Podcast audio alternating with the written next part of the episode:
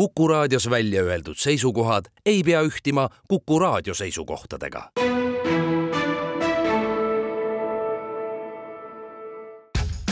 ja nüüd kohe algab Jukuraadio. Juku-Kalle Raidi köögilaua taha ongi juba kogunenud kõikvõimalikud spetsialistid ja muidu toredad inimesed. tore, et sina ka tulla said. häid mõtteid toob Jukuraadiosse Postimehe kirjastus. Tere, hea Jukuraadio kuulaja. ilusat neljapäeva kõikidele meil on parasjagu käes neljasaja seitsmekümne kuues Jukuraadio köögilaud. ja nagu äh, meil kombeks, siis köögilaua teemad kõiguvad seinast seina nagu köögilaudades ju ikka, kõik, kes me köögilaudades asju arutame, teame, et üldiselt astutakse köögilauda ikka parasjagu ühe või teise huvitava jutumulliga. kui meil eelmine kord istus köögilauas Jaan Tootsen ja me rääkisime ööülikoolist ning sellega seonduvatest nähtustest. tõepoolest niisugune, no ütleme, pehmete väärtuste teema. ja siis sedapuhku vahelduseks lähme hoopis natukene karmimate ja ma nüüd isegi ei tea, kas väärtuste juurde. selle kohtumise täna ajendas niisugune äh, asjandus, noh, mida tuleb ka siin köögilaus ikka, et, et inimesed räägivad sellest, on Venemaa sõda Ukraina vastu, aga tegelikult me räägime täpsemalt veidikene sõjatööstusest. Ja me isegi võib-olla ei pajata eh, tänasest sõjatööstusest ja me ei hakka rääkima, mida maailmas kõike toodetakse, vaid pigem printsiipidest ja osast, mida sõjatööstus ühiskonnas endast äh, alati võtab protsentuaalselt või, või võimuliselt ja nii edasi. ma olen äh, köögilauda kutsunud seetõttu meie põhiseaduse ühe autori Jüri Adamsi, tere Jüri. tere ja majanduseksperdi Heido Vitsuri. tere. ja Jüri on siin mitte väga kaua aega tagasi käinud, ka Heido on kunagi ammu-ammu saates käinud, aga noh, see jääb tõesti äh, juba aastate taha aga kõik see algas sellest, kui me Jüri Adamsiga lihtsalt äh, lobisesime ja hüpoteetiliselt, nagu ikka, äh, arutades ühiskonna üle, hakkasime mõtisklema omasoodu, et äh, mis võiks juhtuda siis, eks ole, kui näiteks ühel või teisel moel Ukraina ja Venemaa mingi teatud rahu teevad, mis saab maailmast, kui näiteks Venemaal ei muutu niisugune asi, nagu on sõjatööstus elik masshävituse relvade juurdetootmine, Jüri, oli nii? no oli küll. Ja vot mina olen vana mees, mul on praegu seitsekümmend viis turjal. Ja mulle tuli pähe selles jutus, mida sa jutuajamises millega ütlesid, et ma ei ole juba mitukümmend aastat kuulnud ühegi Eesti ajakirjaniku või eksperdi või majandusinimese või kelle tahes poliitiku näiteks suust niisugust äh, peaaegu sekund pikka äh, terminit sõjalis-tööstuslik kompleks. et kui mina olin noor, siis Nõukogude propagandas oli see igapäevane niisugune väljend ja see öeldi, et see on see hirmus asi, mis kogu aeg vaen-, lääneriike teeb Nõukogude Liidu vastu vaenulikumaks. ja mida peavad lääneriigid, eks ole. ja täpselt lääneriigid niimoodi ja inglise keeles on see väljend ka täiesti olemas, military industrial complex ja selle all mõeldakse siis eh, sellist eh, osa majandusest, millel on teatud eesmärk, nimelt eesmärk eh, kõigepealt konstrueerida uusi ja paremaid eh, relvaliike või sõjamasinaid ja siis neid ka toota. Ja tänapäeval see eh, sõjalis-tööstuslik kompleks kindlasti veel eh, no kõigepealt müüb omaenda riigi valitsusele ja sõjaväele, aga siis ekspo-, ekspordib igastugustele maadele, kes, kes vaid jõuavad ja jõuavad ja tahavad osta. nii on, kui me nüüd, eh, Heido Vitsur, kui me nüüd võtame selle sõjatööstuskompleksi ja majanduse kokku, siis eh, millised võrdlused sul, võrdlused sul pähe kargavad? noh, ma võib-olla alustaks sellest, et see termin läks lendama siis, kui Eisenhower andis valitsemise üle Kennedyle ja ütles, et eh, et talle teeb muret sõjalis-tööstusliku kompleksi kiire mõju kasv. nii et Kennedy ei teinud sellest välja, sest ta arvas, et see asi on täiesti vallatav. aga kuidas on, see on omaette küsimus. aga nüüd, kui vaadata sõjatööstust ja Ühendriike, siis me peame kõigepealt silmas pidama selle, seda, et Ühendriikides see, mida nimetatakse sõjalis-tööstuslikuks kompleksiks, on tegelikult mingis üsna ulatuslikus määras väga võimas teadusarengu, üldise teadusarengu allikas. kõige kergem tundus Ühendriikidele anda raha kaitseministeeriumile ja sealt suunata ta noh, teadusuuringuteks, fundamentaaluuringuteks ülikoolidele. Ja siis, kas sealt tuli midagi sõjalist või mitte, aga asi sai selgeks. kas ta läks siis eh, tavalisse majandusse või läks eh, sõjaliste arenduste kaudu majandusse või läks ainult sõjalisse. nii et see mõte ja see mõiste oli tunduvalt laiem ja noh isegi sellised teadused nagu ajuteadused ja sotsiaalteadused said sealt tunduvalt rohkem raha, kui võib-olla, ülikoolidel otse finantseeriti. nii et äh, see oli väga selline lai ja ulatuslik äh, valdkond.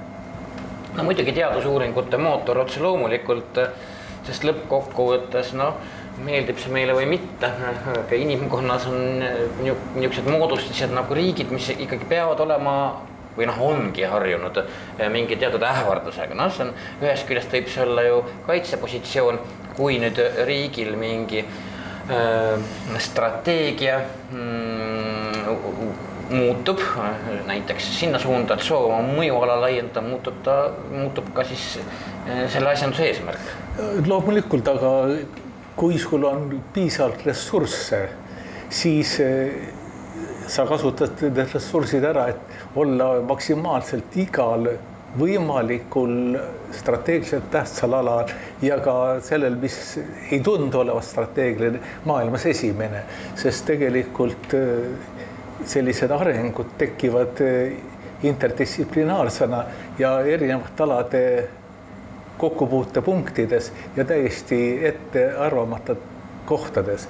nii et äh, jah, siin on selliste sõjaliskomplekside puhul nagu Ühendriikides on sõjalist ja üldhumanitaarset jube raske eristada.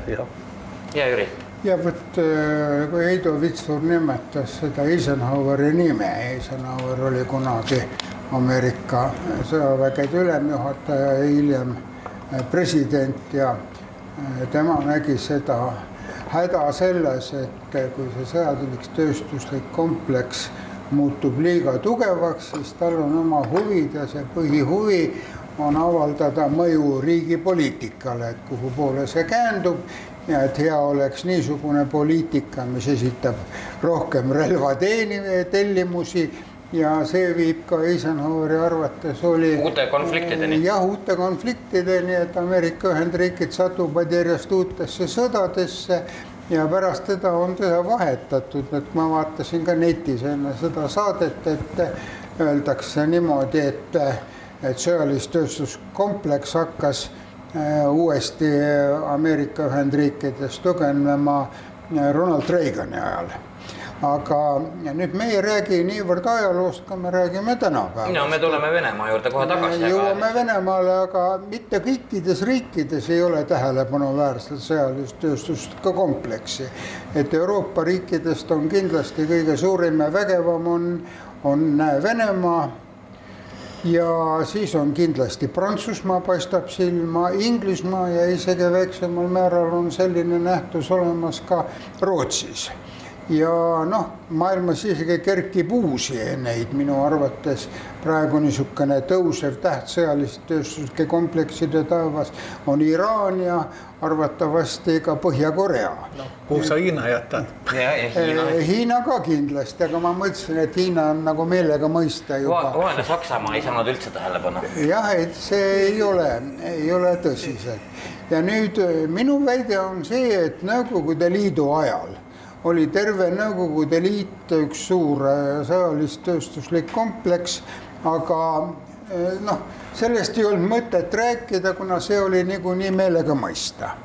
aga et kui nüüd Nõukogude Liit lagunes, siis praegusel Venemaal on ta täiesti olemas ja selgelt eristatav, et siin oli kõigepealt üks periood kaheksakümnendate lõpust kuni üheksakümnendate alguseni, kui Venemaal vähendati elukutseliste sõjaväelaste arvu, mis õnnestus.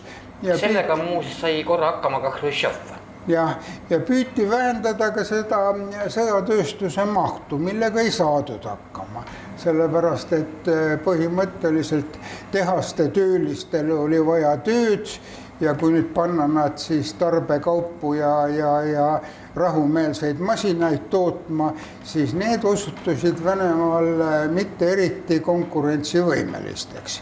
nii et minu arvates Putini võimule tulek on sisuliselt ikkagi see, et sõjalis-tööstuslik kompleks tõusis Venemaa majandusstruktuuris Äh, kõige tähtsamaks ja mis nüüd ka Putinist ei räägita, et äh, mis mees ta on ja, ja mis on tema meelelaad ja mis on ta ideoloogia. minu arust esmajoones politoloogid peaksid ütlema, et see on sõja, Venemaa sõjalis-tööstusliku kompleksi mees Venemaa tüüri juures, kes on nende pandud ja kes põhiliselt töötab nende huvides no ja me, ma tuletan sulle lihtsalt finessi, enne kui Heido Vitsurile järje üle annan meelde, et need kentsakad sõjatähtsad Nõukogude Liidu ajal tegelesid igaüks ka mingi siis ütleme ääri-veeri kultuuriga seotud noh, vidinatega. ma ise mäletan, et mul on nagu olnud kas paar süntesaatorit ja, ja mingeid siukseid asju, mis on tõepoolest tankitehases tehtud ja minu meelest ka samas soomuses, sellepärast et neid oli nagu kahe inimesega päris raske tassida isegi. noh, ehkki nad gabariitidelt ei olnud teab mis suured, aga nägid välja nagu mängimiseks eesliinil ei noh, päris eesliini mängimiseks ette ei olnud nähtud, see oli ka tegelikult, ma ei mäleta enam, millal tuli kaitsetööstuse ettevõtetele kohustus hakata tööd tootma laiatarbekaupa, niinimetatud. mul endal on ka alumiiniumkäru juba suvilasse ostsin selle siiamaani lennukitehasest tehtud väga hea käru, ma pole nii häid käru, kärusid enam näinud.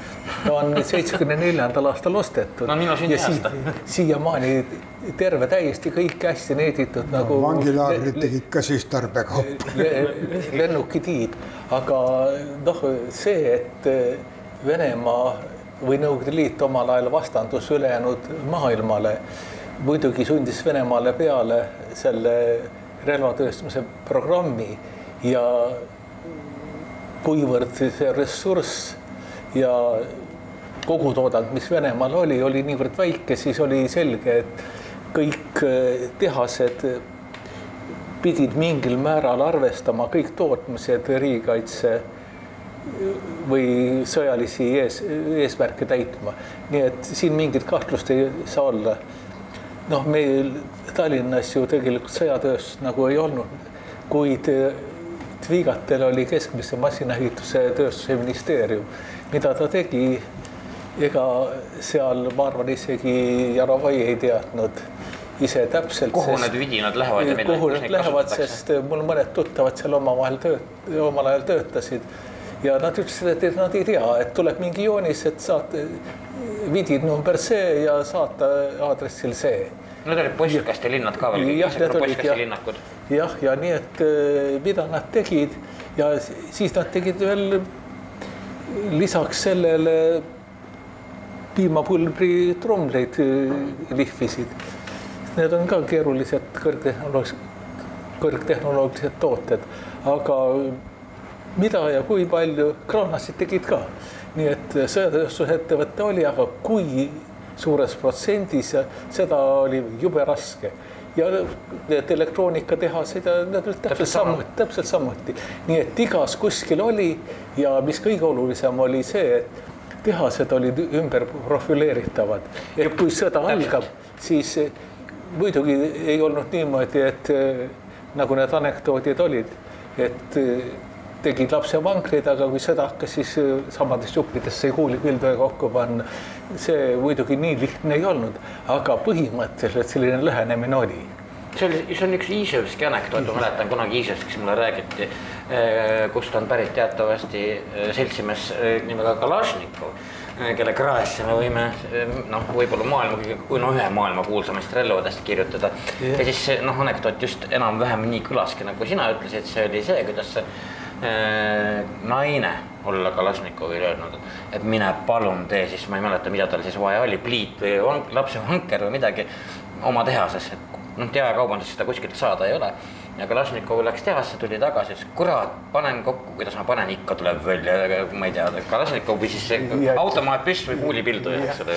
jah, eks ta ole, aga mida ma enam-vähem eh, usutavalt tean, et eh, kõik mehaanilise kella tehased, mis Nõukogude Liidus olid, olid ümber häälestatavad sütiku, mürsu, mürsusütiku tehasteks, sest lihtsalt peenkätetöö kui meha-, mehaanilised kellad on, siis inimene õpib väga kiiresti ja sama liin on ümbertehtav väga kiirelt.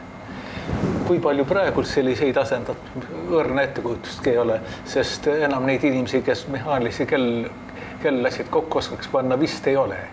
Aga ma arvan, et see koolkond ja mõtlemine, mis oli, et see ei kao kuhugi, sest öeldakse, et kultuur vahetub kõige kiiremini kolme põlvkonnaga ja sellest Nõukogude Liidu lõpust on ainult üks põlvkond möödas, nii et seesama mõtlemine ja see tunne, et me oleme maailmas üksinda ja teised on kõik meie vastu, me peame kaitsma. see ei ole kuhugi Venemaal kadunud, ma ei usu, et see on kadunud. no see pärineb ikkagi juba ajaloolistest sügavustest, eks ole ju, et noh, kus jah, kõik tahavad Venemaad lämmatada ja Venemaa jälle üritab ülejäänud maailma päästa. ja siis, kui nüüd võtta, et Nõukogude Liit oli omal ajal üks kuuendik kogu planeedist, siis Venemaa on nüüd palju väiksem, väik-, palju väiksem osa ja tal ei ole satelliite, noh, Hiina on nüüd, eks ole, potentsiaalne liitlane või tema on Hiina liitlane, see on maitse küsimus, aga ta ei ole ikka täiesti, nad ei ole liitlased, nad, Hiina väldib sõna liidu kasutamist päris kindlasti. Ja ega venelased ei taluks ka, et vastupidi asi oleks. nii et selle tõttu Venemaal see väljakutse oma poliitikat ja oma eesmärki taotleda on tunduvalt raskem ja selle tõttu ma arvan, et Venemaa on, majandus on tugevamalt eh, militariseeritud, kui ta oli Nõukogude päevil. ja Jüri? no minu arusaamine sellest on niimoodi, et eh, tänapäeval on eh, sõjalis-tööstusliku kompleksi olemuses väga oluline ka niisugune tööhõive küsimus ja, ja ka sotsiaalsete tagatiste küsimus. et äh, sellega on Venemaal saavutatud see, et tööliste hulgas ei ole tööpuudust ja et põhimõtteliselt. vähemalt selle žanri tööliste hulgas. Nende peredel on ikkagi leib pidevalt nina ees. nüüd äh, praeguse olukorra eripära on see, et Venemaal ei ole vist kunagi ajaloos olnud nii palju raha, kui on praegu. et see eh, nafta ja gaasi müügist eh, tulnud eh, raha on olnud see, millega on saadud see sõjalis-tööstuslik kompleks tegelikult moderniseerida ja siin on arvatavasti palgal ja üsna kõrgetel palkadel on tuhandeid teadlasi, kümneid tuhandeid võib-olla või isegi sadu tuhandeid mitmesuguseid insenere ja lõpuks on, ma ei tea, kui palju töölisi, võib-olla kümmekond miljonit, võib-olla. minul ei ole neid hinnanguid, võib-olla, võib-olla Heido Vitsur oskab, oskab siin midagi, midagi selle kohta ütelda, sest et tänapäeval nagu omaks võetud eh, majanduskirjeldustes mis tavaliselt tehakse mingisugune sõõr või ring ja siis jagatakse ta sektoriteks ja, ja siis värvitakse iga sektor ise värviga ja üteldakse, et see on aparaadiehitus ja teine on seal metallide tootmine ja kolmas on seal eh, ma ei tea, ütleme elektrienergia ja, ja niimoodi, et see eh, selline lähenemine on üks paljudest võimalustest ja päris kindlasti ta ei kirjelda äh, seda Venemaa sõjalis-tööstuslikku kompleksi Venemaa, kes läks Ukrainale kallale, eks ole, selle olemust ei kirjelda ja, ja. ja ka ulatust mitte, sest ja, nad on ju kõik pigem, mingil ja, moel selle sõja, sõjatööstuskompleksi teenistuses need muud. pigem, aga me selle lõpetamiseks ja. ütelda see, et mida ma ei, millest mina ei saa aru ja ei oska hinnata, on, on see, et kas äh, see Venemaa sõjatööstus äh, äh, töötab kasumiga või töötab nii-ütelda omaette võrreldes kahjumiga, sellepärast et igasugune väike sõda, mida Venemaa peab, isegi see õnnetu Malaisia lennuki allatulistamine Vene õhutõrjeraketiga, see on ju tegelikult reklaam rahvusvahelises relvakaubanduses, et vaadake, kui vägevad asjad on, mida meilt saab osta. kas sa, Heido Vitsur, nõustud Jüriga?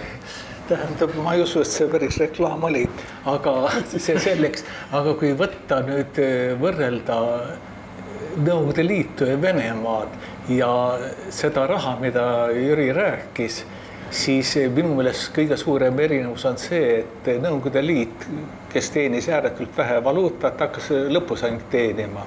pidi kõik asjad alates äh, pesumasinast ja sõiduautost ise tegema, aga ta ei osanud neid teha. kusagilt varastama kõigepealt? ei, mis see, mis tal varastada oli, ostis ühe auto, võttis lahti ja vaatas, et võttis selle kõige lihtsama.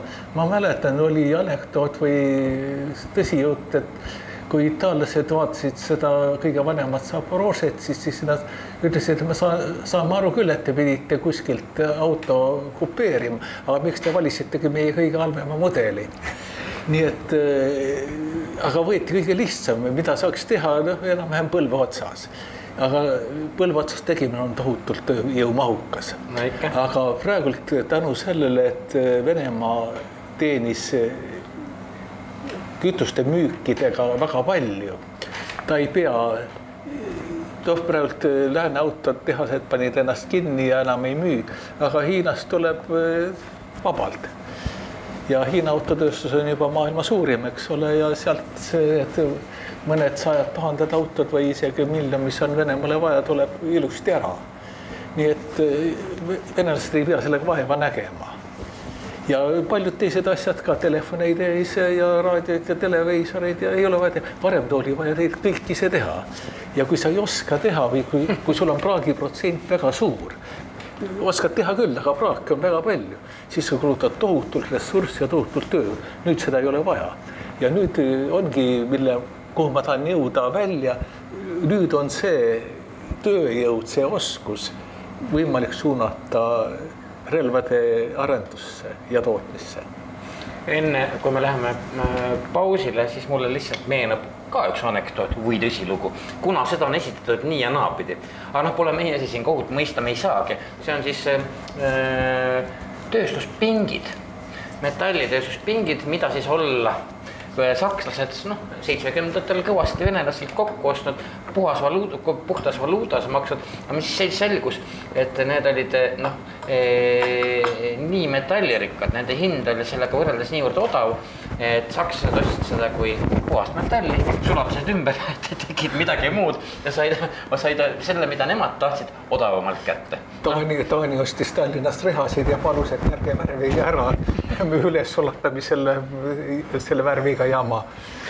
no vot nii, aga me teeme pisikese pausi, neljasaja seitsmekümne neljas Jukuraadio köögilaud on eh, majandusekspert Heido Vitsur, meie üks põhiseaduse autoreid Jüri Adams on köögilauda potsatanud ja me mungime lahti sihukest asja nagu sõjatööstus ja selle osa, päris suur osa eh, majanduses ja sestap ka ühiskonnas. me keskendume eelkõige Venemaale ikkagi sellepärast, et siin Jüri Adamsi suust kõlas enne mõte et kui Venemaad mitte sundida relvatööstusest loobuma, on ükskõik, kuidas see Ukraina konflikt lõpeb, on järgmine konflikt igal juhul juba koputab siseukse taga. me oleme kohe tagasi. Te olete Kuku raadio lainel ja kuulate Jukuraadiot. häid mõtteid toob Jukuraadiosse Postimehe kirjastus. aga jätkame siis Juku-Kalle köögilauda numbriga nelisada seitsekümmend kuus kes esimest plokki kuulis, teab, et äh, meie tänane kohtumine köögilauas on, on arenenud terminist sõjatööstus. millel on maailma majanduses üldiselt ikkagi väga, väga suur roll mängida.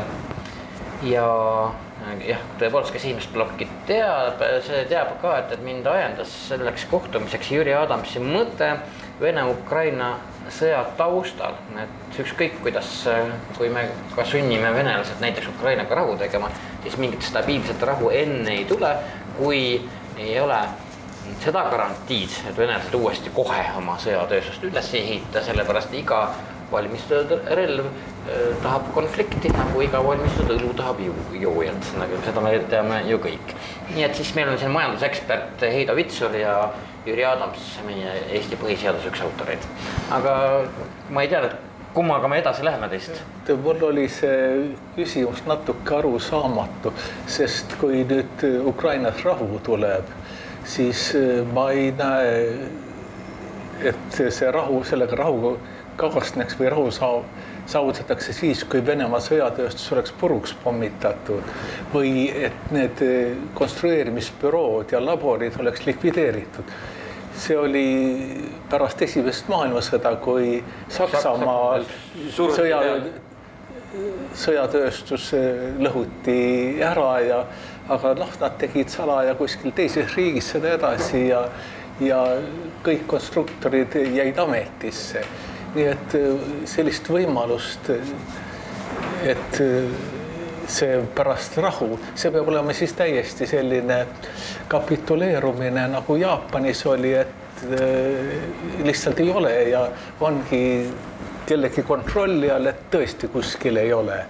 ka Hiinas mitte ei jätka need inimesed oma tööd, nii et sellist lahendust ma ei tea, ma ei oska ennustada aga no, aga see eel, eel, eelda, eeldaks sellist, sellist lahendust sest nüüd on küsimus selles, et kui rahu tuleb, siis jätkatakse minu meelest päris kindlasti. ja, Jüri Adams. no jah, armas Heido, et äh, ma olen põhimõtteliselt sinuga nõus.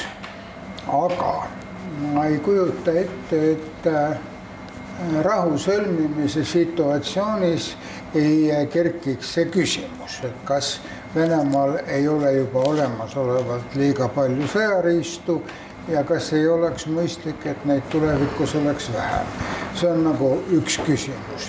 ja siin on tõepoolest on küsimus selles, et maailmas on kõige halvem läbikukkumise näide on see äh, katse Saksamaa sõjateestust, eks ole, piirata peale esimest maailmasõda, mis kukkus läbi ja viis äh, veel hullemale asjale. viis teisele maailmasõjale. ja põhimõtteliselt on ka kaks positiivset näidet, need on Saksamaa ja Jaapan peale teist maailmasõda, kus äh, mingite imede läbi saavutati, et nende maade sõjatööstus asemel tekkis äh, oluline mittesõjaliste masinate tööstus ja nad kujunesid nii-ütelda igasuguste masinate, masinate ekspordi äh, gigantideks. Ja, ja põhimõtteline poliitiline küsimus on see, et milliseid tingimusi tulevase rahu sõlmijad peaksid proovima esitada Venemaale, kas nad üldse peaksid midagi, kas nad peaksid üritama.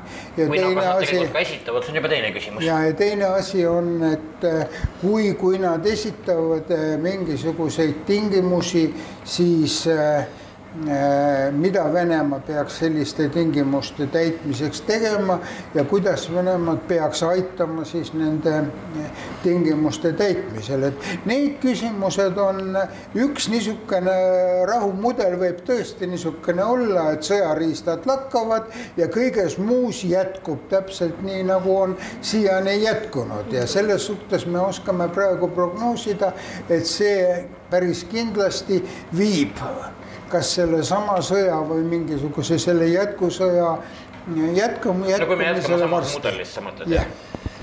noh, ega seal Jaapani ja Saksamaaga pärast teist maailmasõda mingit imet ei olnud, need riigid kapituleerusid ja olid, kuidas ütelda, raudse kontrolli all nii et kui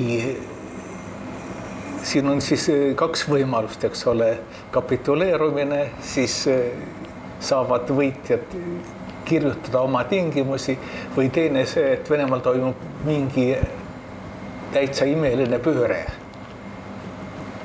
see kuulub natuke muinasjutu valdkonda. see, ma ütlen, sellepärast ma ütlesin imeline.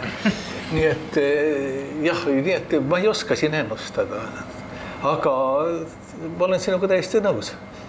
Aga Armo Seido, kas, kas kuskil on olemas või kuskil võiks olla tulemas mingisugune lihtsale inimesele arusaadav, aga siiski piisavalt hõlmav äh, kirjeldus, äh, millest me saaksime pildi, millest see Venemaa äh, sõjatööstus või sõjalis-tööstuslik kompleks, eks ole, praegu koosneb kui palju on selles mitmesuguseid osalisi, kui palju on tehaseid, et siin on ju kõik on kuskil on alates tuumarelvadest kuni, eks ole, kõige tavalisemate. no ilmselt sellega tegelevad äh, kõikvõimalikud käsirelvadeni. luureorganisatsioonid. noh, palju on ju teada, aga luure sellega tegeleb aga luure ei ütle kunagi, mida ta teab, sest see, mis, mida luure teab, see on kõige suurem saladus, sest kui luure ütleb, mida ta teab, siis on ju teisel poolel teada, mida nad teavad ja mida nad ei tea. nii et seda, see on kõige suurem saladus. aga kui nüüd vaadata Venemaa relvastust, siis eh, ega see katab üsna paljusid alasid.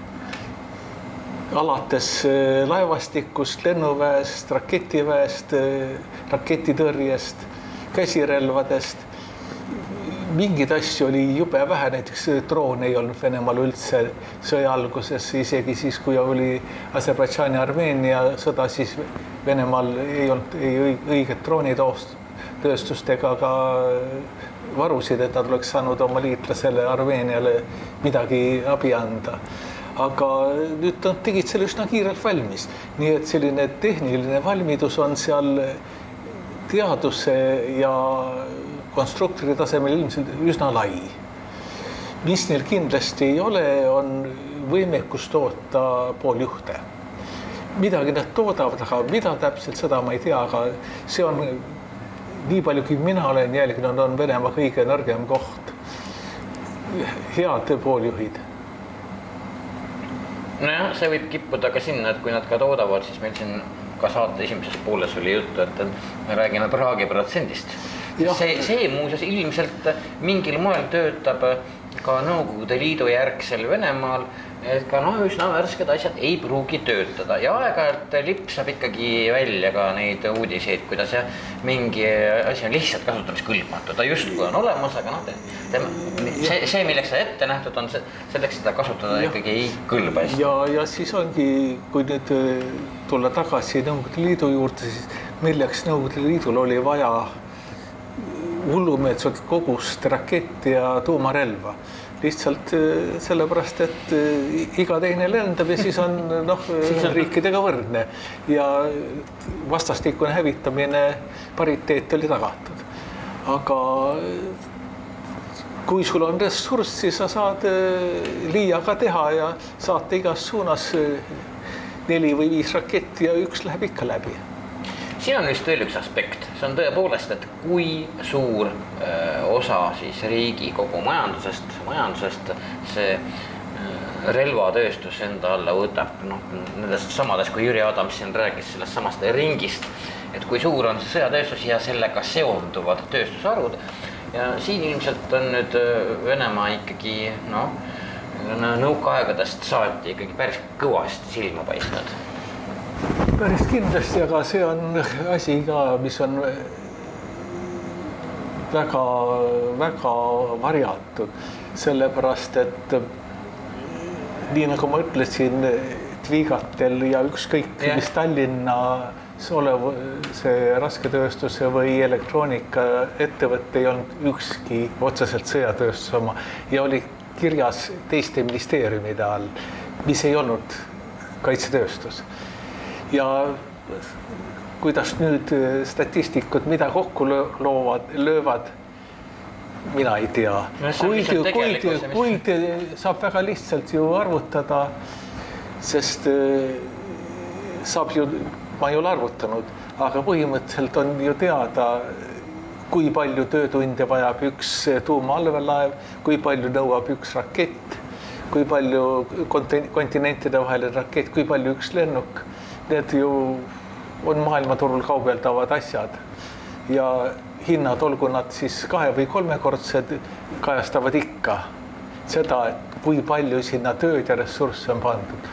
ja kui Vene armee on suuruselt teine maailmas, noh, Hiina on nüüd öö, küll vahel, kuid mitte strateegilise relvastuse osas, siis öö, ta peab olema mingis öö, astmes võrreldav Ühendriikide kulutustega aga kuivõrd SK SKT-d on mitu korda erinevad, siis erikaal peab olema noh, mitu korda suurem. tundub nii, et jah, et, et see ei, me ei saa võtta SKT protsendist seda sõjalist kulutust vaid, sest et kui me võtame aga eelduse, et võib-olla tõesti noh, iga teine, teine asi ei tööta, nagu sa Nõukogude Liidu kohta rääkisid, eks ole ju. pluss siis see SKT on ka teistsugune, siis ja noh, siis, siis üld, võib-olla siis see kogu, kogu protsent peab Venemaal ikkagi olema märksa suurem, kui on see Ühendriikides. ei, peab olema suurem, muidu ei saavuta ligikaudsetki pariteeti ja ligikaudset noh, muidugi Ühendriikide puhul peab arvestama seda, et Ühendriikidel on tohutu kulu on see, et nemad maksavad sõjaväelastele korralikku palka. ja teine see, et neil on suur laevastik ja laevastik on tohutult kallis. ja kolmandaks, et neil on tohutu hulk sõjaväebaase, mis on ka kallid. kuid kui võtta nüüd need kõik maha ja korrutada siiski või võtta arvesse SKT erinevused, siis Venemaal see protsent peab olema tunduvalt suurem, kõigele vaatamata. no Jüri. no aga see tulemus sellest seisukohast on, on minu arvates niisugune hästi pessimistlik, sellepärast et kui see põhiprobleem, siis sõjalis-tööstuslik kompleks et kui selle mahus või selle poliitilises mõjuvõimus tulevikus midagi ei muutu, siis äh, siit tuleb järeldus, et äh, nende kontroll poliitilise võimu üle ja praegusel kujul ilmselt jätkub, kuna ideoloogiline kontroll on ka nii-ütelda nende oma poiste käes ja, ja siis on järelikult ei ole ka eh, Venemaal mingisugust eh, oluliselt teistsugust eh, võimu loota, rääkimata see, see nii-öelda noh, salapärane sõna demokraatia, millest loodetakse, et see kunagi ka Venemaal võtab võimust. tühja ta võtmas on siis no sellisel juhul loomulikult mitte, sest et nagu sa ütlesid jah, et see võim ja sõjatööstus on kindlasti Venemaal väga seotud. jah, nüüd mul ei ole venelaste hulgas kaua-kaua aega, üle kolmekümne aasta ühtegi sellist sõpra olnud, kellega saaks hinged puhtaks rääkida, nii et ma ei tea, mida nad mõtlevad, kuid vanast ajast, kooliajast ja ka Nõukogude armees viidetud aastatel. kuna sa olid Nõukogude armees? kuuekümnendad. Nonii. Need olid see, mis on suurvenelaste rahvuslik uhkus, on väga selline imelik asi. kui grusiinid on teada uhke, uhked inimesed, siis venelased on teistmoodi uhked ja see uhkus lubab ilmselt neil olla eraelus suht tagasihoidlikud, kuid oma riigi suurust nad hindavad ja vägevust hindavad nad tunduvalt kõrgemalt, kui me ette kujutame. ja see on üks suuremaid takistusi, mis minu meelest takistab neil muutuda noh, tavaliseks, tavaliseks riigiks? seda on kirjeldatud ka ju hoopis teistmoodi, ma just tõin Jüri Adamsile raamatu Astolphe de Custine eks ole ju, markii Prantsusmaalt, kes tuhat kaheksasada kolmkümmend üheksa peale siis sihukest päris pikka reisi Venemaale üritas seda psühholoogiat ära mõistatada. ja muuseas, me tegelikult ei kandu siin eh, sellest põhiteemast, milleks on sõjatööstus majanduses sugugi kõrvale. sest need, need asjad on kaunikesti seotud ja üldiselt tuuakse alati eh, välja et, et need tingimused, milles siis üks venelane on nõus olnud, ütleme Ivan kolmanda, neljanda ajast saati, me räägime ikkagi noh, viisteist sajandi niimoodi, elame viissada aastat kindlasti. et noh, ütleme Euroopas on see ka kodaniku jaoks üsna mõt-, mõeldamatu, millega me jõuame äh, ikkagi mõttestiilini indiviid versus kollektiiv mm. -hmm. nagu me siis teame, mida on ka äh, olemasolevalt kahuriliha äh, isegi vabatahtlikkuselt teatavasti näha, et see kollektiivne noh, mesilassülem äh, on ütleme nende kultuuriruumis lihtsalt isegi arusaadavam, kui on mingi siis ütleme individuaalne heaolu või, või vaba mõte või noh, ütleme üldse vaba elu, eks ole ju. jah, Deržavat tuleb kaitsta siis on neil juba aastasadu, alates siis mongolitest no. kuni või ma ei tea, kus ajast, võib-olla isegi orduriigi ajast, ma ei tea, ma ei ole ajaloolane kuid eh, see on väga tugev narratiiv, millega tuleb arvestada, see on kindlasti olemas, see püsib ka praegult ja püsib ka pärast Ukraina sõja lõppu. ja Jüri? no nüüd me jõudsime niisuguste teemadeni, milleks on vaja vähemalt teist sama pikka eh, saateaega, ma ei tea, palju praegu selle lõpuni meil on. no meil on umbes seitse minutit oli. meil on seitse minutit, minul on teatud niisugused Eh, metodoloogilised eh, lähtepunktid kujunenud pika elu jooksul, millest ma ei ole päris kindel, eh, kas nad, kas nad tegeliku ajaloo kirjeldamisel on väga õiged, aga minu arvates olukorra analüüsimisel on nad vähemalt kasulikud, sellepärast et minu arvates see mm, vanaaegne niisugune arusaamine, mille kohta öeldakse siis vene keeles, et tuleb kõigepealt kohale jätta, sellepärast et kui selle võtad äh, aluseks, siis pole mõtet seda siis, uurida. siis pole üldse mõtet midagi teha, siis mine koju, emb-kumb, kas ju nina täis ja keera magama või hakka naabrimehega tülitsema või, või, või pane nöör kaela niimoodi see on nagu üks asi, et ma ei taha seda, seda niimoodi jätkata. teine asi on see, et äh, ma arvan, et metodoloogiliselt on õige äh, venelaste äh, psühholoogiat hinnata ikkagi niisugusest üldinimlikes, üldinimlikes kategooriates.